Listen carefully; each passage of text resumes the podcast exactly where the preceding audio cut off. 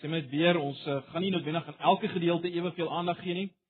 Uh omrede ons besig is in die selgroepe en by ander groepe is ons besig met die Evangelie van Johannes. Party van julle is al eintlik klaar met die boek Johannes. Ehm um, So ek vat my sekere gedeeltes en en fokus bietjie meer daarop. So vanoggend wil ek hê ons moet saam lees vanaf vers 12. Ons gaan spesifiek fokus op vers 12 tot 14, maar kom ons lees vanaf vers 12 tot die einde. Ehm um, as ek sê die fokus spesifiek Johannes 12 tot 14. Lees maar die 83 vertaling. Dit verseker ek julle, wie in my glo, sal ook die dinge doen wat ek doen en hy sal nog groter dinge as dit doen omdat ek na die Vader toe gaan. Wat julle ook al in my naam vra, sal ek doen sodat die Vader deur die Seun verheerlik kan word. As julle my iets in my naam vra, sal ek dit doen. As julle my liefhet, sal julle my opdragte uitvoer. Ek sal die Vader vra en hy sal vir julle 'n ander voorspraak stuur om vir ewig by julle te wees, naamlik die Gees van die waarheid. Die wêreld kan hom nie ontvang nie omdat hulle hom nie sien en hom nie ken nie, maar julle ken hom omdat hy by julle bly en in julle sal wees. Ek sal julle nie as weeskinders agterlaat nie. Ek kom weer na julle toe. Nog net 'n klein rukkie en dan sien die wêreld my nie meer nie, maar julle sien my omdat ek lewe en julle sal lewe. Daardie dag sal julle weet dat ek in my Vader is en julle in my en ek in julle. Wie my opdragte het en dit uitvoer, dit is hy wat my liefhet. En wie my liefhet, hom sal my Vader lief hê en ek sal hom ook lief hê en my aan hom openbaar. Judas, nie die uh, Judas Iskariot nie vra toe vir hom, Here, hoekom dit dat U U aan ons gaan openbaar en nie aan die wêreld nie? Jesus antwoord hom: As iemand my liefhet, sal hy my woorde ter harte neem en my Vader sal hom lief hê en ons sal hom toe kom en by hom woon. Wie my nie liefhet nie, neem my woorde nie ter harte nie en die woorde wat julle hoor is nie myne nie, maar die Vader se wat my gestuur het. Dit sê ek vir julle terwyl ek nog by julle is, nog by julle bly. En wanneer die Vader in my Eh, in my naam die voorspraak, die Heilige Gees stuur, sal hy julle alles leer en julle herinner aan alles wat ek vir julle gesê het. Vrede laat ek vir julle na. My vrede gee ek vir julle. Die vrede wat ek vir julle gee is nie die soort wat die wêreld gee nie. Julle moenie ontsteld wees nie en julle moenie bang wees nie. Julle het gehoor dat ek vir julle gesê het ek gaan weg, maar ek kom weer na julle toe. As julle my liefhet, sou julle bly uh, bly gewees het dat ek na die Vader toe gaan omdat die Vader groter as ek is. En nou sê ek dit vir julle voordat dit gebeur, sodat julle kan glo wanneer dit gebeur. Ek sal nie meer lank met julle kan praat nie, want die owerste van die wêreld, die Satan is aan die kom. Hy het geen mag oor my nie, maar die wêreld moet weet dat ek die Vader liefhet en daarom doen wat die Vader my beveel het. Staan op dat ons hiervandaan weggaan. Mens hoor dikwels en dat gelowiges sê dat hulle voel hulle kom nie verder nie. Hulle vorder nie in hulle geestelike lewe nie. As geen vordering nie. Nou ons het verlede keer gesien dat die rede daarvoor is is dat mense is in die posisie van Thomas. Onthou julle Thomas wat geweet het Jesus is die weg, maar hy het dit nog nie raak gesien nie. Hy het nog nie raak gesien dat Jesus die pad is nie. En ons het my vir mekaar gesê baie Christene is in daardie posisie. Hulle het nog nie gesien dat Jesus en Jesus alleen is die pad na God nie omdat hy die waarheid is en die lewe is. Is hy die enigste pad na God? En daarom wat ons dikwels doen, ons maak ander dinge die pad na God. Gebed, Bybelstudie, getuienis, dienswerk. Erediens bywoning of wat die geval mag wees, ons maak dit die pad na God. En dit los ons dor en droog, want dit is nie die pad na God. Baie keer wat ons doen, ons beleef geen teenwoordigheid van die Here meer nie, geen lewe nie. En dan probeer ons dit regstel om nog harder besig te wees met hierdie dinge. Die sogenaamde Christelike dissiplines. Ons ons span ons in daarvoor. Maar dit laat ons dorm droog want dis nie die pad nie. Ek het julle gesê op grond van vers 6, uh die geheim is om eerstens terug te gaan na Jesus self. Hy is die pad om by hom uit te kom. Net hy kan handel met sonde. Net hy is die pad na God. En daar's ook nie ander dinge wat die wat na hom toe lei nie. Gebed en Bybelstudie en al hierdie dinge is ook nie 'n pad na hom nie. Nee, hy vat ons terug soontoe en maak hierdie dinge lewend as ons eers na hom toe gaan. Jesus is die pad. Ek is die weg, die waarheid en die lewe. Dis waarna ons verlede Sondag gekyk het. Nou, vanoggend uh wil ek kyk na nog 'n vraag wat dikwels onder gelowiges is en dis die hele vraag na gebed. Hoor hy ons? Gebeur daar iets as ons bid? Dis die vraag waarmee baie gelowiges ook sit. En dit hang natuurlik baie saam met die die vraag wat ek nou heel aan die begin gevra het, né? Nee. Nou, die disippels, broers en susters, het verseker geworstel ook met hierdie saak. Uh Hulle sou nou gehoor het dat Jesus sê hy's die hy's die hy's die weg na God. Dat hy gaan om vir hulle plek voor te berei. Hulle sal onthou ons het ook daarna gekyk. Maar die vraag waarmee hulle sekerlik geworstel het is dit. Maar as hy nou weg is, sal hy ons nog hoor? Sal ons met hom kan praat en sal daar dinge gebeur soos daar nou gebeur terwyl ons by hom is? Dis die groot vraag waarmee hulle geworstel het. Nou, broers en susters, hierdie hele vraag rondom gebed. Hulle sal weet daar's min dinge uh, in die Christelike lewe waaroor daar so baie menings is, so baie opvattinge, dikwels wanopvattinge. Dis 'n geweldige onderwerp en ek uh, wil glad nie daarop aanspraak maak dat ons vanoggend die onderwerp kan uitput nie. Hoe genaamd nie, maar as ons 'n gedagte hou al die vrae rondom gebed en die dinge waarmee ons worstel, dink ek ons kan nie anders as om vanoggend ons ore te spits. Uh as Jesus hier uitsprake maak oor gebed nie en hy maak geweldige gewigtige uitsprake, nie waar nie? Luister net wat sê hy oor gebedsverhoring. Kyk net weer. Vers 13. Wat julle ook al in my naam vra, sal ek doen. Sodat die Vader deur die Seun verheerlik kan word. Vers 14: As julle my iets in my naam vra, sal ek dit doen. Bedoel Jesus wat hy hier sê? Werk dit so in die praktyk? Dis sekerlik 'n vraag wat mense kan vra. Bedoel Jesus wat hy hier sê? Wel, broers en susters, Jesus bedoel definitief wat hy sê. Ek meen as ons nie hierdie uitspraak van hom van hom kan glo nie, hoe kan ons enigiets anders van hom glo? Hoe kan ons uh ons ewigheidstoekoms, as ek dit so kan stel, in sy hande laat as ons nie hierdie uitspraak kan glo? Hoe kan ons dan enigiets van hom glo, né? Nee, dit, dit is die punt. Hoe kan ons enigiets van hom glo? Hoe kan ons ook hoe kan ons enigiets in sy hande laat? Jesus bedoel dis wat hy sê. Die vraag is net wat presies sê hy? Nee, dis die groot vraag. Jesus bedoel wat hy sê, die vraag is wat presies bedoel hy hier?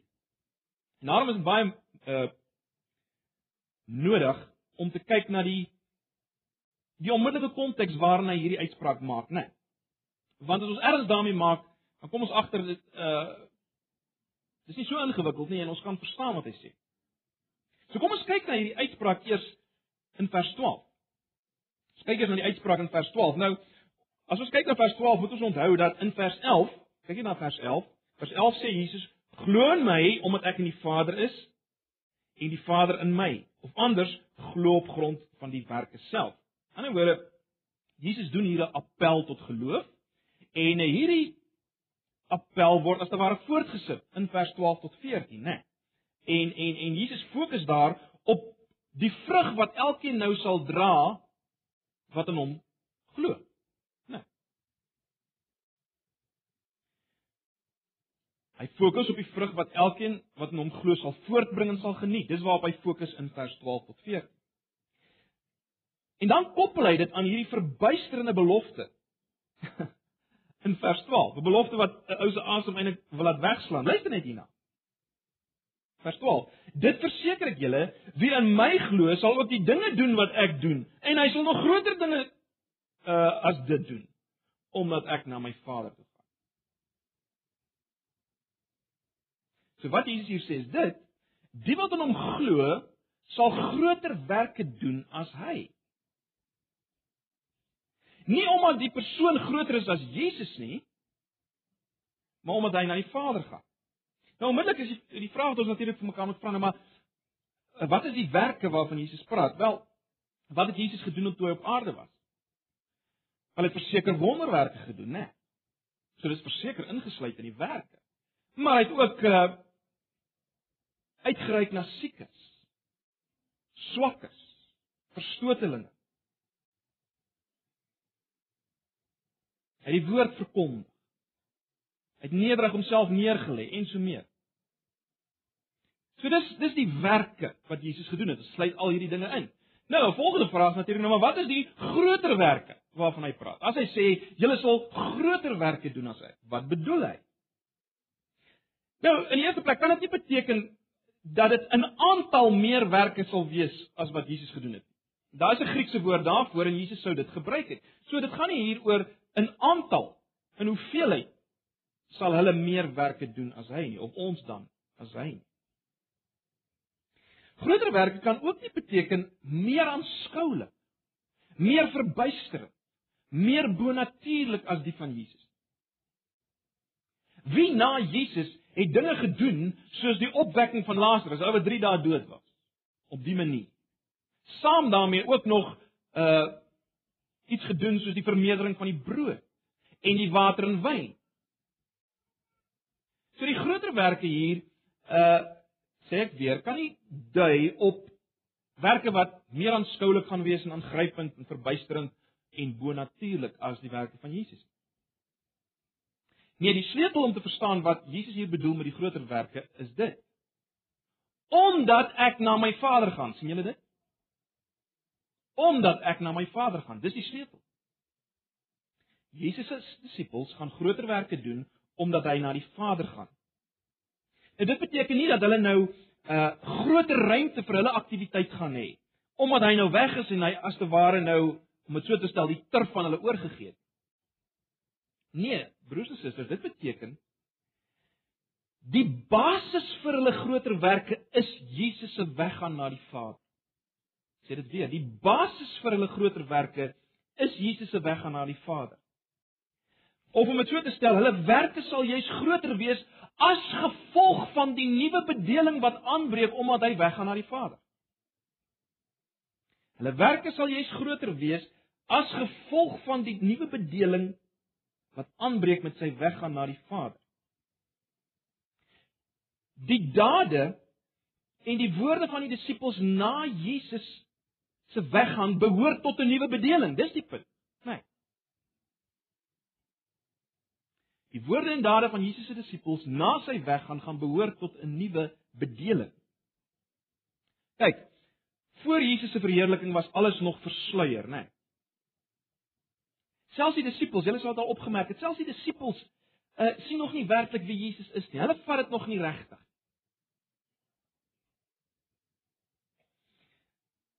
Maar as gevolg van sy verheerliking en na sy verheerliking sal sy volgelinge presies weet wie hy is en hom werklik ken en hulle sal dit aan ander kan bekend maak. Met ander woorde, hulle werke is groter want dis werke wat voortvloei vanuit die afgehandelde werk van Jesus in sy kruis en in sy opstanding. Jy sien dis die punt. Die werke is groter want dit voortvloei voort uit die afgehandelde werk van Jesus gebeur het aan die kruis en in sy opstaan. Jy sien eers dan sal hulle die volle, volle heerlikheid van Jesus besef. Eers na sy kruisiging en sy opstaan. En eers dan sal hulle hom in volheid kan verkondig. En met krag kan verkondig en met oortuiging en die volle boodskap kan verkondig. Het sy dit is deur hulle lewenswyse of hulle prediking of deur wonders, maak nie saak nie. Maar eers dan sal dit in volheid wees. En die gevolg van hierdie werke. Die gevolg van hierdie werke, dis baie belangrik. Uh sal natuurlik wees dat baie mense, baie meer mense sal kan inkom en deel word van wat genoem sou word in die, in, in die tyd na Jesus die kerk, né? Nee baie meer mense sal kon deel word daarvan. Daarmee sê ek nie dit gaan net oor getalle nie, verseker nie. Gaan nie net hier oor getalle as sodanig nie, maar dit gaan oor die as jy wil die krag en die helderheid van die evangelie boodskap en die konsekwensies daarvan wat sal opbloei in hierdie fase nadat Jesus weggegaan het op 'n manier wat dit nie geken was toe Jesus op aarde was. Die rykwyte, dink jy daaraan, die rykwyte daarvan.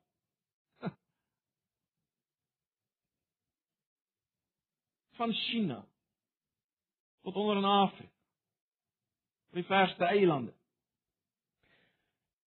Ons kan dit so stel broers en susters dat groter werke gaan dus oor die vrug van die disippels, as jy wil, binne die konteks van hierdie nuwe bedeling wat sou aanbreek met Jesus se verheerliking, sy weg gaan na die Vader. Nee. Ons moet altyd onthou, die tyd voor Jesus se kruis en opstanding was dit was 'n tydelike fase.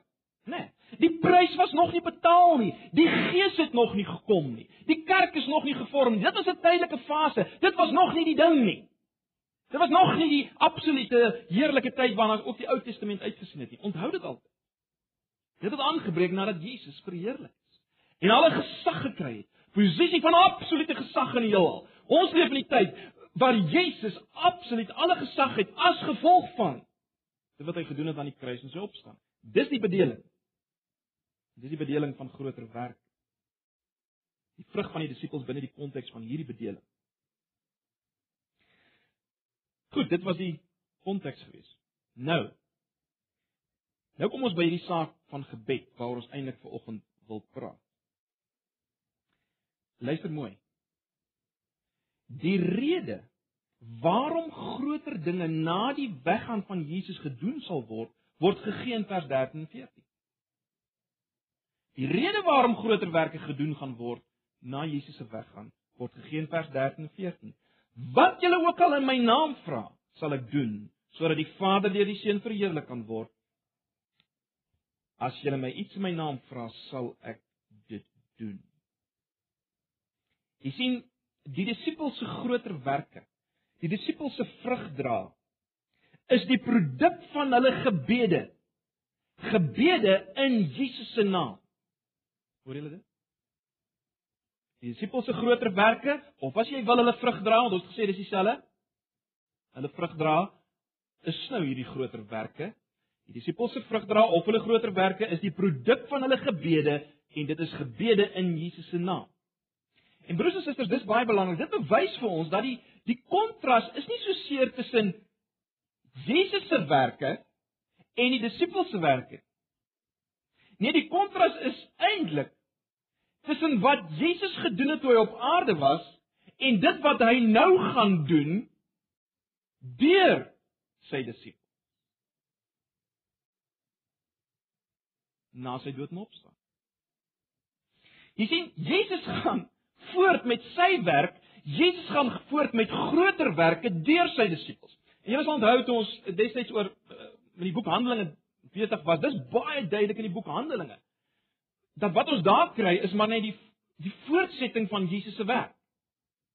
Dit wat gebeur het in die gemeente, in die eerste gemeente en voortgesit is is Jesus wat voortgaan met sy werk. So, die uitsprake van Jesus oor gebed moet verstaan word in die konteks van hierdie groter werke van die van die heilige bedeling of dan binne die konteks van die vrugdra van van ons as sy disippels. Dit is baie interessant as mense nou gaan na hoofstuk 15, ons ons sal daarby kom. Dan is dit ook baie duidelik dat vrug dra voortvloei uh uit gebed in Jesus se naam. Vrug dra vloei voort uit gebed in Jesus se naam. Nou, daar's nog twee temas wat in hierdie gedeelte konstant genoem word. Uh wat ons nog meer insig gee in die aard van gebed. As ons vra oor die aard van gebed, daar's nog twee sake wat wat hier genoem word. Die eerste saak is dit gebed in Jesus se naam, dis die eerste ding en dan die verheerliking van die Vader, né? Nee, dis die twee goed, julle het gesien. Vers 13 sien julle dit wat julle ook al in my naam vra, sal ek doen en dan sodat die Vader deur die Seun verheerlik kan word. Dis die twee dinge, né? Nee, dis die twee dinge. So die eerste ding is gebed in Jesus se naam. Nou Broers en susters, gebed in Jesus se naam behels nie net dat ons ons gebede afsluit in sy naam nie. Dit beteken ook nie sy naam is 'n soort van 'n towerformule, een van 'n magiese formule nie, né? Die gebed in sy naam is gebede wat in ooreenstemming is met alles waarvoor hy staan. En waarvoor staan Jesus? Wel Jesus staan vir die wil van die Vader. Dis waarvoor hy staan. Dis baie duidelik. Gaan kyk maar ook na die boek 1 Johannes 5 vers 14 byvoorbeeld. So prakties kom dit daarop neer dat ek myself moet afvra hierdie dinge wat ek nou wil bid, kan ek hierdie dinge wat ek nou wil bid eerlik in sy naam vra? Hierdie ding wat ek nou wil bid, kan ek dit eerlik in sy naam vra? Is dit waarvoor hy staan? Is dit die wil van die Vader? Of is dit eintlik maar net iets wat gaan oor my eie mensgerigte skema? So dis gebede in Jesus se naam. En mens sou ook daarby kon voeg dat gebede in sy naam erken uh dat Jesus die enigste weg na die Vader is. Maar goed, dis die een ding wat hier vir ons die aard van gebed duidelik maak. Nee, dit is Dis nie maar sommer net gebed nie. Soos ek lus voel nie. Dis gebed in Jesus se naam gebed wat gaan oor dit waarvoor Jesus staan. Dit is wat is waar uh, ook as ons as, as gepraat word in die Bybel van God se naam, dit gaan oor my naam. Dit gaan oor waarvoor ek staan, dit my eer, né, nee, ensovoorts. My naam, dit waarvoor ek staan. Die tweede ding wat ek gesê het is die verheerliking van die Vader. Dit is baie duidelik dat die doel van gebed, die gerigtheid van gebed moet dit wees die verheerliking van die Vader. Met ander woorde, die oplig van die Vader, die die laat val van die kollig op die Vader, die wonderlik laat lyk van die Vader as jy wil. Dis waar dit gaan. Nou, die gedurende Jesus se aardse lewe was dit sy konstante doel. Julle sou dit opgemerk het, né, nee, dwarsdeur. En vanaf hoofstuk 5 vers 41, vers hoofstuk 7 vers 18, 8 vers 50, 8 vers 54. So kan jy aangaan. Oral is dit baie duidelik dat die doel van Jesus was om sy Vader te verheerlik, om die kollig op sy Vader te laat val, om sy Vader al die eer te gee. Dis waarvoor hy na die kruis gaan. Met die oog daarop gaan hy na die kruis vir sy Vader se eer. Na Jesus se verheerliking broers en susters het dit nie verander nie. Na Jesus se dood en sy opstanding, sy verheerliking het dit nie verander nie. Al wat nou gaan gebeur is dit: deur gebed in sy naam gaan hy nou sy disippels in staat stel om groter werke te doen, vrug te dra, sodat sy Vader daardeur verheerlik kan word. Dis al. Dis al. So ons kan sê ons sit Jesus se werk voort of liewer Jesus sit sy werk voort op nog 'n groter skaal, op nog heerliker skaal deur ons. Deur gebed in sy naam word ons in staat gestel om vrug te dra wat uiteindelik die doel bereik waarvoor Jesus gekom het, naamlik om sy Vader te verheerlik. So sal Jesus dit verwesentlik hierdie doel van hom. Deur ons gebed in sy naam waardeur ons groter werke sal doen, die vrug sal dra om hom te verheerlik. So ek dink julle sien al reeds raak broers en susters. Watter soort gebed se sukses is gewaarborg? Watter soort gebed se sukses is gewaarborg? Wel, gebed vir vrug. Wat is vrug? Vrug is dit wat eer bring aan God se naam. Wat bring eer aan God se naam? Wel om Jesus te leef en te verkondig of dan om besig te wees met die groter werke waarvan ons gepraat het, werke wat voortvloei uit die volle verstaan van wie Jesus is na sy kruis en sy opstanding. Die afgehandelde verlossingswerk. Die die lewe volgens sy wil. Jy sien gebed wat daaroor gaan, die sukses van daai gebed is gewaarborg. Jesus sê dit. Ons kan dit vat. Daar's geen twyfel dat dit verhoor word en altyd verhoor word nie. Dit sal verhoor word. Dit word verhoor.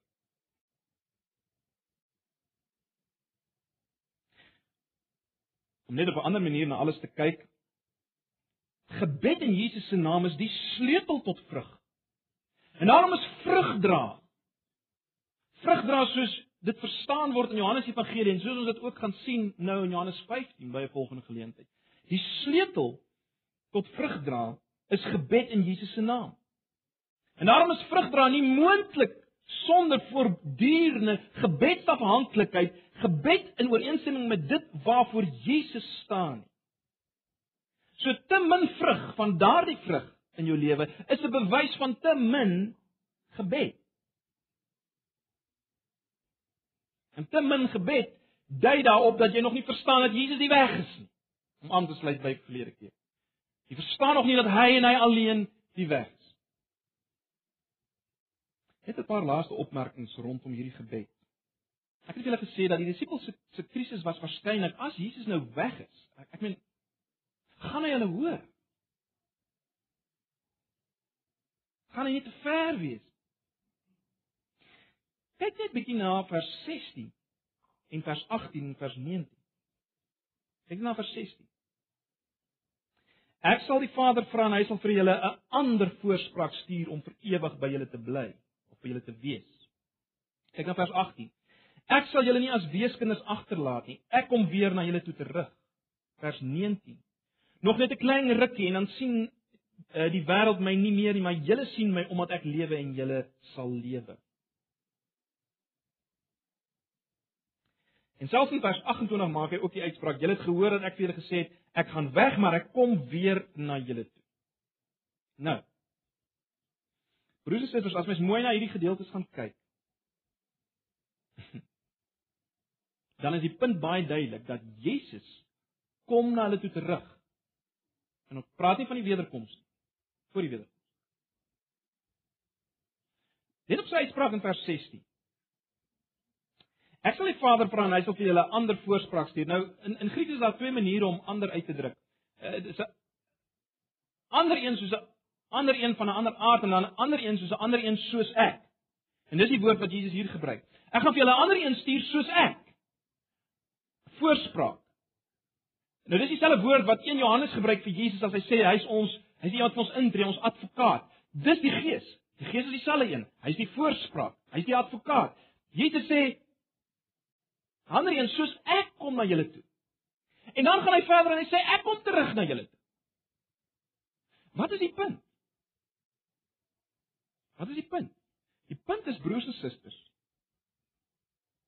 Jesus self kom terug na ons toe. Hy sou terugkom na sy disippels en dit sluit nou ons nou in. Hy kom terug na ons as die Gees.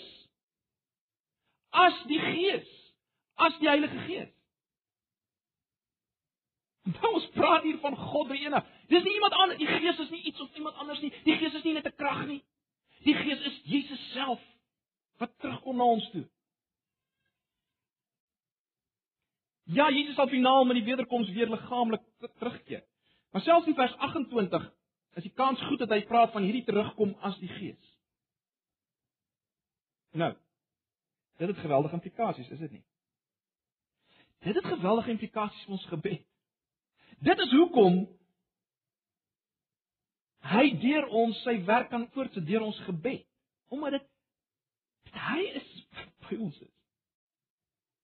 Nie net by ons nie, in ons is. In ons.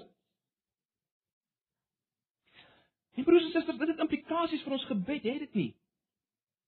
Uh, ons hoef nie te skree as ons bid nie. Ons hoef nie so hard as moontlik te praat en te terwyl hy moet ons hoor nie. Ek sê dit tong in die kies, nê.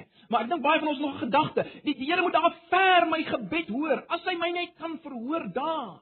Maar ons dink Ou Testamenties oor gebed. Nee, dis die punt. Hy's ons.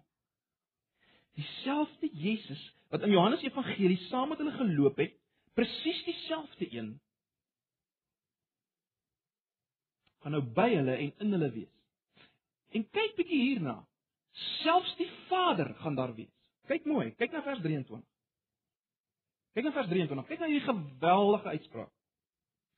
Jesus antwoord hom: As iemand my liefhet, sal hy my woorde ter harte neem en my Vader sal hom lief hê en ons sal na hom toe kom by hom woon. Ons. En die Vader. Jy sien, Vader, Seun, Heilige Gees is so eenheid, ons gaan dit nie losmaak nie. Maar dis Dis nie bedoeling waarvan ons praat. Broers en susters, dis alles as gevolg van die feit dat Jesus na sy Vader gegaan het via die kruis En via die opstanding, as gevolg daarvan, breek hierdie bedeling aan, hierdie fenominale bedeling. Waar Jesus by ons is, in ons en selfs die Vader kom maak woning in ons. Hoor ons dit? As ons bid, broers en susters, ons bid nie vir een daar ver nie. Hy's in jou. Daarom kan jy in elke oomblik in gesprek met hom wees, in kommunikasie met hom wees. Ons is nie meer in die Ou Testament wat jy gaan na 'n plek toe. Nee. En daarom kan ons verwag hy gaan die groter werke soos ons dit nou beskryf, dit gaan hy deur ons doen en deur die gemeente doen. Werke wat God verheerlik. Ons sal dit weer sien in Hoofstuk 15 sal ons nou weer uh, weer terugkom hierop. En daarom is gebed net eenvoudig soveel meer as 'n lys goed wat ons noem vir die Here wat hy moet doen. Daarom gaan gebed saam met dit wat ons in vers 25 en 26 kry. Het julle dit gesien? Die herinnering aan sy woord. Die Gees wat ons herinner aan sy woord. Dis deel van hierdie pakket van gebed as jy wil. Dit is meer as 'n een, een rigting afrits van 'n lys van goed wat ek wil hê hy moet vir my doen. Val die gebed in sy naam is. Nee, saam met hierdie pakket van gebed is die herinnering aan sy woorde wat die Gees doen. Vers 25 tot 26. En saam daarmee is 'n belewing van die vrede van God wat ons in vers 27 iets van sien. Ag broers en susters, ons kan nou baie daaroor uitbrei, ons het nie die tyd vanoggend nie. Maar ek hoop ons ons sien 'n paar valse opvattinge oor gebed wat hier ontmasker word, né? Ons sien byvoorbeeld dat gebed is nie 'n koue tegniek nie waarvan ons allerlei dingetjies moet aanleer. Allerlei tegnietjies. Ons sien gebed funksioneer net in verhouding met God deur Jesus. Verder sien ons gebed gaan nie oor persoonlike belang nie. Gebed het eintlik niks te maak met die nuwe ding wat jy wil hê nie. Dit het niks daarmee te maak. Gebed is geen resep vir persoonlike gerief of 'n waarborg dat jy nie vervolg gaan word en al hierdie dinge nie. Dit het niks daarmee te doen nie. Dit is nie op die tafel nie. Broers en susters, as ons die lering van hierdie gedeelte in ag neem, dan kan ons verstaan hoekom daar baie skyndisippels is, as ek dit so kan noem, wat baie teleurgesteld is in die feit dat gebed nie werk nie. Of wat verklaar dat gebed nie werk. Hoekom? Want 'n skyndisipel bid nie vir vrug soos ons dit beskryf het nie. Hy bid vir sy eie voordeel en vir sy eie belang. As hy in diepste gaan kyk waarvoor hy bid, is dit dat dit beter gaan met my. Help my vandag. Laat dit beter gaan met my. Geef vir my nog dit. Dis waar dit gaan. Dis waar. En daarom word dit leergestel. Want baie keer gaan dit dalk lyk asof dit nou beantwoorde gebed is, maar dit is nie. 'n Skyndisipel broers en susters kan nie werklik in Jesus se naam bid nie. Want sy motiewe en sy doel is nie dieselfde as dit waarvoor Jesus staan nie. Dis nie Jesus se doel nie. Vir die skynedisipel kan nie bid in Jesus se naam. 'n Skynedisipel bewaar nie Jesus se opdragte, dit wat ons daar uh, oor gelees het. Hy bewaar nie Jesus se opdragte. Sulke mense wat verklaar dat Christendom nie werk nie. om dit nog duideliker te stel, 'n skyn disipel het nie die Gees nie. Die Gees woon in hom. Daarom is gebed hierdie inkopieslys aan aan een of ander mag daar ver gerig. 'n Skyn disipel word nie herinner aan die woorde van Jesus nie. Skyn disipel het nie die vrede van die Vader nie. Ag broers en susters. Ons moet dit hoor en ek ek vertrou ons sal dit al duideliker sien in die laaste gedeeltes van Johannes Evangelie dat Christendom my gebedslewe het alles te doen, alles ja, alles te doen met die Heilige Gees en die belewing van die Gees. Daar is geen Christendom sonder dit. Want dis Jesus by ons. Ons praat nie van 'n mag wat tower toertjies doen. Dis Jesus by ons, dis die Gees. Geen Christendom sonder hom nie. Geen gebedslewe sonder hom nie. Jesus is nou by ons as die Gees. Ag ek sluit af met 'n laaste opmerking. Ek dink julle sou opgemerk het ek het dit so 'n bietjie beklemtoon toe ek gelees het uh die woordjie liefde heeltyd. Dit word nog sterker beklemtoon in hoofstuk 15, draak dit nog sterker. Wat bedoel ek daarmee? Wat duidelik is hier is dit die lewe van 'n Christen, die lewe op die pad Jesus, as ek dit so kan stel, is niks anders as 'n liefdesverhouding met Jesus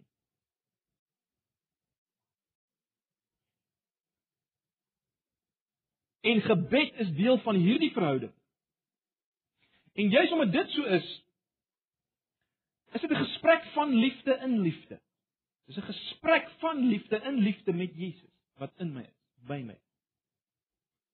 En daarom pas koue tegniese formalistiese rympies pas nie vir hierdie gebed. Pas so min as wat formalistiese koue tegniese rympies pas tussen twee verliefdes. Hulle praat nie so met mekaar nie. Dis die gedagte hier. Dis die gedagte. Dis die nuwe dis nuwe testamentiese gebed en broers en susters soos ek uh, besig was met hierdie gedeelte het ek net besef in my eie lewe hoe hoe dit ons geneig is om Ou Testamenties te dink aan gebed of selfs te dink aan gebed soos dit was toe Jesus op aarde was. Gebed het 'n nuwe dimensie gekry omdat Jesus na die Vader gegaan het. En dit hang alles saam met hierdie bedeling van die groter werke en so mee. En die Gees natuurlik. Gebed is anders. Ander dimensie. En dikwels besef ons dit nog nie. Ons leef terug nog Uh ons verstaan nog nie hierdie lering. Ag, en my gebed is net dat die Here ons oë sal oopmaak hiervoor. Dat ons sal glo dit wat hy hier sê. Dat ons dit sal beleef. En nie maar net sal probeer om daarvan te vergeet nie. Ons sal vat en sal glo wat hy sê. Hy sê in vers 13: "Wat julle ook al in my naam vra, sal ek doen." sodat my Vader deur die Seun verheerlik kan word. As julle my iets vra in my naam, sal ek dit doen. Amen. Ek wil nou vra dat ons 'n paar oomblikke sal stil word en kom ons bid vir 'n paar oomblikke. Kom ons bid vir 'n paar oomblikke op die Nuwe Testamentiese manier. Kom in kontak met Jesus. En gee hom 'n kans om ook nou deur sy Gees jou te herinner aan aan wie hy is en aan sy woorde. Net vir 'n oomblik. Ons is so gejaag. Ons kry nie meer tyd om stil te word nie vir 'n paar oomblikke word net stil, laat toe dat hy jou ook herinner aan aan wie hy is en aan sy woorde.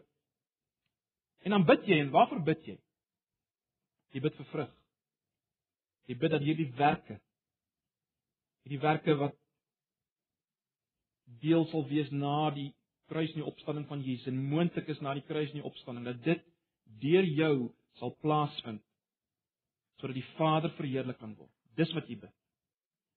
Vergeet van al jou ander pyne en skete. Dis waarvoor jy bid. Kom ons gee 'n paar oomblikke. In stil gebed.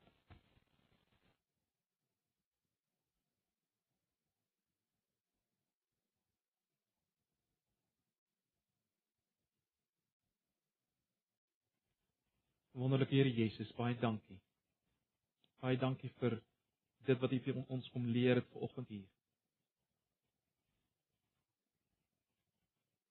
Ag Here, sal U ons nie deur die werking van die Gees ook juis herinner aan hierdie woorde wat ons vanoggend gelees het nie. Herinner ons juis daaraan sodat ons sal bid in U naam. In ooreenstemming met dit waarvoor U staan. Tot uiteindelike eer, tot oplig van die Vader. Sy eer, sy wil. Die Here gee ons vrug. Die vrug wat moontlik is as gevolg van u opstanding. Die kruis en die opstanding. Volkomme werk wat u gedoen het. Bereik mense deur ons, samel mense in vir u koninkryk. vir u finale triomf. Asseblief. Ons vra dit in Jesus se naam. Amen.